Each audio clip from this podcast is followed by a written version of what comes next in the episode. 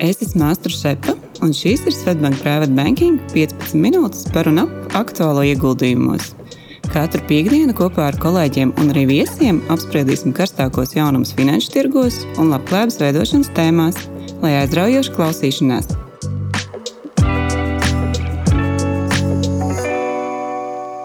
Sveiciens privātu banking klientiem! Šodienas epizodē esmu kopā ar privātu banķieri Līgu Rasu Grāvīti. Čau, Līga! Sveika! Un, sekojot līdzi finanšu tirgus ziņām, izskatās, ka šobrīd arvien vairāk sāk atgriezties ziņas par aktivitāti IPO jomā, gan starptautiskajā, gan arī pašmāja Baltijas biržās. Līdz ar to IPO arī būs šodienas sarunas pamatēma, bet iesākumam līga, kas tas IPO tāds ir? Tad man uzreiz gribās teikt, ka šī trīs burbuļu tāda abreviatūra uzreiz ir kā labās ziņas gan esošajiem, gan arī varbūt jaunajiem investoriem, un tikai pēc tam, ka tā ir sākotnējā kāda uzņēmuma publisko akciju piedāvājums biržā. Ja vienkāršiem vārdiem sakot, tā ir iespēja iedzīvotājiem kļūt par investoriem un ilgtermiņā pērtīt no kāda no uzņēmuma akcijām un kļūt par tā akcionāru.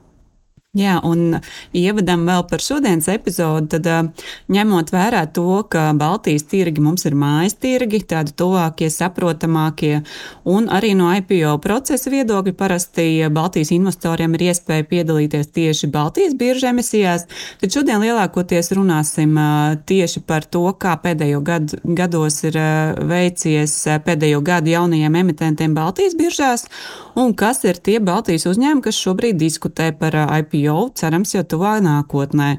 Un vēl viens faktors, kas nav maz svarīgs, ir, ka Svetbank klientiem Baltijas vērtspapīra tirzniecība un turēšana ir īpaši izdevīga, jo tā Svetbank ir pilnīgi bez maksas. Jā, bet pirms apskatieties, kā nu, mums ir kājas Baltijā, tad īsti ieskicēšu arī par pēdējiem IPO notikumiem pasaulē. Un šeit gan statistika rāda, ka pēdējā gada laikā, un respektīvi pret iepriekšējo gadu, šogad ir bijis IPO skaita kritums, gan tieši šī skaita ziņā, gan arī apjomu ziņā ziņā. Bet, eh, ja mēs skatāmies pēdējā gada laikā, kas ir bijuši līderpozīcijā darījuma apjomos, tad tā, tie noteikti ir enerģētikas uzņēmumi, nu, kas būtiski ieguva arī no enerģijas cenu pieauguma. Otrajā vietā pastāv uh, pārstāv tehnoloģiju sektors, ko īpaši šogad virzīja arī mākslīgā intelekta risinājuma attīstība, nu, kas liek domāt, ka uh, arī turpmāk nesīs jaunas un investoriem aizraujošas ieguldījumu iespējas. Tad pēdējo nedēļu laikā, septembrī, arī tika gaidīti trīs jauni IPO. Kas īstenībā arī viss tehnoloģija jomā tieši arī bija. Kas viss tehnoloģija jomā, un kas liels prieks, ka viens no tiem ir arī Eiropas uzņēmums, un tas ir ARM Holding, kas ir dibināts 90. gados Londonā. Šis ir tas tehnoloģija uzņēmums, kas nodarbojas tieši ar mikroshēmu ražošanu, un ARM tiek uzskatīts par nozīmīgu spēlētāju arī šī mākslīgā intelekta no, nozarē. Kompānija norāda, ka sadarbojas ar tādiem vadošajiem un visiem arī zināmiem uzņēmumiem kā Alphabet, Mercedes-Benz, Meta un Nvidia. Un IPO bija ļoti gaidīts. Jo tas bija kā, nu, lielākais eh, IPO šogad eh, tehnoloģiju jomā, manuprāt, un nu, patiesībā arī gandrīz pēdējo divu gadu laikā, nu, kad bija tāds pieklusums tur, tirgu, un šajā IPO ārmi piesaistīja gandrīz 5 miljardus dolāru pie gandrīz 60 miljardu tādu kopējās kapitalizācijas novērtējumu. Jā, nu mēs paskatījāmies arī ar cenu. Es nezinu, cik, cik kritiski uz to skatīties šobrīd, jo nav pagājis pat pilns mēnesis kopš IPO. Bet, ja mēs skatāmies tādā līknē uz doto brīdi, neliels uh, cenas kritums, un šobrīd šī kompānijas akcija ir nopērkama par 55 dolāriem. Otrais, ko gribētos pieminēt, ir Instacart, kas ir dibināts 12. gadā ASV. Tas ir pārtiks peču piegādes uzņēmums, un uzņēmums koncentrējās uz mākslīgā intelekta integrēšanu savā platformā, kuras mērķis būtu atbildēt uz klienta iepirkšanās jautājumiem. Un no IPO dienas uh, neliels cenas pieaugums. Šobrīd šis uzņēmums uzņēmums ir nopērkams aptuveni par 30 dolāriem par akciju. Un trešais, ko vēlos pieminēt, Klavio globālais tehnoloģiju uzņēmums, kas dibināts arī 2012. gadā un palīdz uzņēmumiem glabāt lietotāju datus un veidot uz tiem profilus, lai nosūtītu mērķiecīgu mārketingu pa e-pastu izziņām un arī citiem uh, kanāliem. Un viens no tā lielākajiem biznesa avotiem ir e komercijas gigants Shopify un pieaugums kopš IPO brīža arī šim uzņēmumam un nopērkams aptuveni par 35 dolāriem. Jā, un arī iestrpinoties, tad, tad, kā jau minēju, Latvijas iedzīvotājiem pamatā ir pieejami tieši šie Baltijas uzņēmumi IPO, bet nu, droši vien šos konkrētos pieminētos uzņēmumus var iegādāties jau otrreizējā tirgū. Tieši tā, un kā mēs īstenībā redzam, visi, visi šie augstāk minētie uzņēmumi ir ar tādu ilgadēju pieredzi. Līdz ar to varbūt ir saprotams no ieguldītāja puses, ka tie vēlas arī tādu tūlītēju peļņu, bet paši uzņēmumi ir minējuši par to, ka viņi vairāk fokusējas uz tādām ilgtermiņa atdevēm. Un, nu jā, mēs tā runājam par to, ka tā aktivitāte atgriežas. Kas, kas tavuprāt, ir tas, kas ietekmē šo IPO aktivitāti finanšu tirgos? O, tas ir tāds sarežģīts jautājums, jo nu, nav tādas vienas pareizās atbildes. Ir ļoti vairāk šie faktori, kas to ietekmē gan no pozitīvā viedokļa, gan no negatīvā. Tad, nu, no vienas puses, ja mēs tā skatāmies, tā noteikti ir ekonomiskās situācijas neskaidrība, noteikti arī centrālo banku lēmumu, uz ko visi vērš uzmanību, ģeopolitiskā situācija. Bet no otras puses, kas varbūt ir tāda pozitīvā ziņa, ka šķiet, ka um, ir atdzīvojies tāds ieguldījums ieguldījumu tirgus. Un kāpēc IPO varbūt arī ir tāds dzīvāks, jo akciju tirgus vērtības pieaugums pēdējā gada laikā mm, ir audzis un gribētos cerēt, ka uh, tiek sasniegt arī šie likmju griezti, ko noteikti visi arī gaida. Nu jā, kāda skaidrība lielāka tirgu cerams parādīsies. Jā. jā, un jāpiebilst, protams, arī, kas nav maz svarīgi, kad arī šie investori kļūst izvēlīgāki savos ieguldījumos, jo nav nekāds noslēpums, ka šobrīd tirgu ir iespējas labi nopelnīt arī ar zemu risku, un tie ir gan noguldījuma procenti, gan arī obligāciju atdeves, nu, kas nozīmē, ka tāds privātais investors, piemēram, lai IPO brīdī būtu gatavs iet un pirkt tieši akcijas, viņš sagaida arī tādu augstāku peļņu. Jā, un um, pievēršoties jau Baltijas IPO, gribējām apskatīties uz to, kā ir veicies investoriem um, Baltijas IPO pēdējo gadu laikā. Un kopumā man liekas, tāds viens secinājums, ko mēs izpētot pie kā mēs nonācām, ir, ka kopumā IPO ir nu, svarīga tādai kopīgai gan investoru aktivitātes, gan biežu apgrozījuma likviditātes palielināšanai. Jo tā apskatāties uz Nasdaq Baltica, tiem šiem trim sarakstiem, tad divi aktīvākie ir tieši oficiālais saraksts un First North. Un abos sarakstos top 10 tirzniecības apgrozījuma ziņā populārākie uzņēmumi sastāda 85-90% no kopējā saraksta apgrozījuma. Un interesanti, ka First North visi šie top 10 populārākie uzņēmumi uzņēmumi ir veikuši IPO pēdējo sešu gadu laikā, un savukārt oficiālajā sarakstā no top 10 populārākajiem četri ir veikuši IPO pēdējo sešu gadu laikā, un šie četri ir Ignitis, Enefits Green, Kūpanka un Tallinas osta. Un šie četri emitenti savukārt sastāv gandrīz 40% no visas saraksta apgrozījuma. Tā kā skaidrs, jā, ka IPO, nu vismaz Baltijā, bet es domāju, arī visā pasaulē veicina biežu attīstību un papildus, protams, jāsaved kopā privātos investors ar uzņēmējiem, ļaujot ļaujot uzņēmumiem piesaistīt finansējumu arī. Bet jautājums nākamais ir, ir par to, vai investoriem ir izdevies nopelnīt uz pēdējo gadu Baltijas IPO.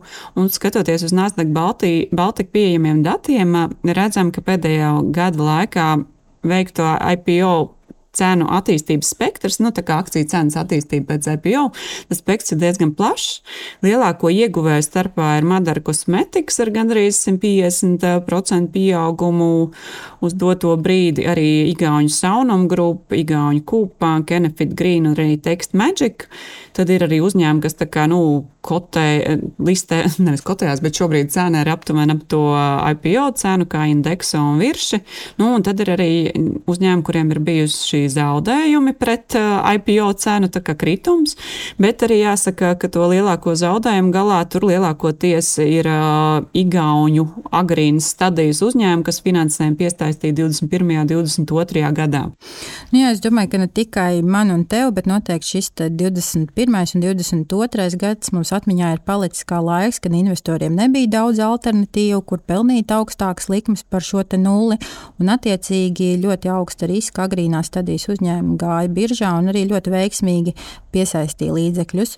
Un tad šajā laikā tirgū bija arī vairāk šo brīvo līdzekļu, un iespējams tas pamudināja arī. Mm, nepieredzējušas investors spērt pirmos soļus tieši ieguldījumu pasaulē. Nu jā, tas droši vien viens, kas jāatcerās, jo agrīnāk attīstības stadijā, nu, lielākoties arī lielāks risks.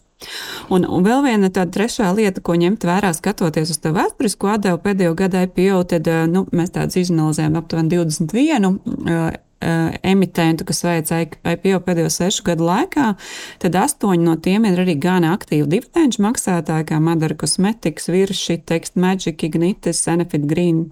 Tallinas ostu un Kūpanku, un attiecīgi tad jārēķina, ka nu, papildus tās akciju vērtības izmaiņām, cerams, kāpumam šie uzņēmumi arī nodrošinās papildus ienesīgumu saviem akcionāriem arī dividendžu veidā. Nu, tā kā sasumējot, varētu teikt, ka noteikti ir daļa Baltijas uzņēmumi, kur, kur ieguldot IPO brīdī um, investori visticamāk gan labi nopelnīja, un nu, ir papildus efekts arī no šīm dividendēm. Jā, un panelizējot dziļāk, tad divas no pēdējā gada lielākajiem un veiksmīgākajiem IPO Baltijā redzam, ka tās abas ir bijušas valsts kapitāla sabiedrības pirmreizējā emisijā biržā. Tad viens no tiem ir Ignitis Group, kas ir Lietuvas valsts piedarošs enerģētikas uzņēmums. Tas veic IPO 2020. gada oktobrī, piesaistot apjomīgu mm, 450 miljonus eiro mm, skaitu, un šobrīd ir pirmajā vietā Baltijā tirgus kapitalizācija inflācijas ziņā. Pēc emisijas joprojām 75% pieder Lietuvas valstī. Ignitis ir arī ļoti labs dividendžu maksātājs, kā tu minēji, kas nodrošina arī papildus ienesīgumu un principā ir uzskatām kā gan staba, stabila un laba alternatīva varbūt arī obligācijām. Un akcijas cena kopš IPO brīža ir neliels kritums, un šobrīd tā ir iegādājama aptuveni par 20 eiro. Iestarpinoties par ignitis, eh, droši vien arī vērts pieminēt, ka, ja skatās uz tādiem eh, novērtējuma multiplikatoriem, tur tas PI vai price earnings vai price to book, tad nu, varētu teikt, ka šī akcija izskatās gana lēta, kaut vai salīdzinot to pašu Enefit Green arī enerģētikas uzņēmumu. Un otrais Igaunijas uzņēmums, tad tevis pieminētais Enefit Green, viens no vadošajiem atjaunojamās enerģijas ražošanas kompānijām Baltijā, tieši Baltijas jūras reģionā. IPO viņi izgāja 2021. gada gada oktobrī un piesaistīja 175 miljonus, ja nemaldos, eiro. IPO bija pieteicies rekordliels investoru skaits - 60 tūkstoši pat pāri. Pieprasījums pārsniedz piedāvājumu, un pēc emisijas joprojām 77% pieder Esti Enerģija, un akcijas cenas pieaugums ir bijis ievērojams kopš IPO brīža - plus 37%. Jā, redzot, cik labi veicās mūsu kaimiņiem ar valsts kapitāla sabiedrību vai nu, tādu valsts uzņēmumu kotēšanu, radās jautājums, jā, vai nākotnē biežāk tiks kotēts arī Latvijas valsts vai pašvaldību kapitāla sabiedrības. Jā, es tādu nopūtu varu teikt, ka Latvija šobrīd ir vienīgā starp Baltijas valstīm, kas vēl nepraktizē valsts kapitāla sabiedrības akciju kotēšanu biržā, kā rezultātā Lietuvas un Igaunijas biržas uzņēmuma tirgus kapitalizācija ir nepilnas septiņas reizes lielāka nekā Latvijas. Latvijā. Tāpat arī Latvijas uzņēmumi nav iekļauti nevienā no galvenajiem indeksiem. Un jo vairāk uzņēmumu kotētos biržā, jo, protams, ekonomika kļūtu stiprāka. Un papildus plus, ja, piemēram, valsts uzņēmuma akcijas tiek kotētas, tad par uzņēmumu līpītas īpašniekiem var kļūt jebkurš iedzīvotājs. Un tad kopējais ieguldījums sabiedrībai, protams, ir visaptverošs, jo iedzīvotājs var kļūt par uzņēmumu līdzīpašnieku un saņemt arī, uh, un arī uzņēmumu saņemot šo finansējumu, to var ieguldīt attīstībā un tādējādi piedāvāt arī, protams, labākus risinājumus. Un, kā rāda arī pasaules prakse, tad pateicoties kotācijai, šie valsts uzņēmumi kļūst daudz caurspīdīgāki, jo samazinās arī dažādi šie korupcijas riski. Tādēļ īpaši prieks, ka šogad Latvijas valdība ir aktīvi diskutējusi par potenciāliem valsts un pašvaldības kapitāla sabiedrību daļējām emisijām arī Baltijas biržā.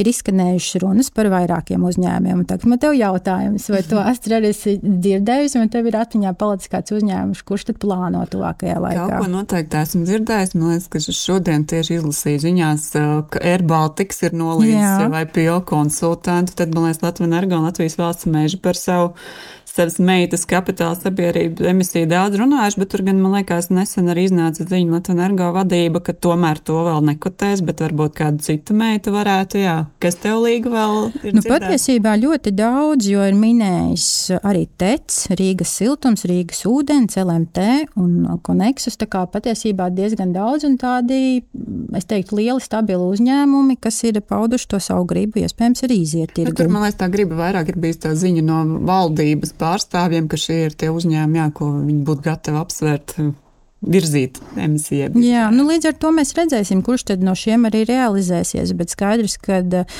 šis viennozīmīgi būtu ļoti labs atspērienu punkts Latvijas un, protams, arī visas Baltijas biržai.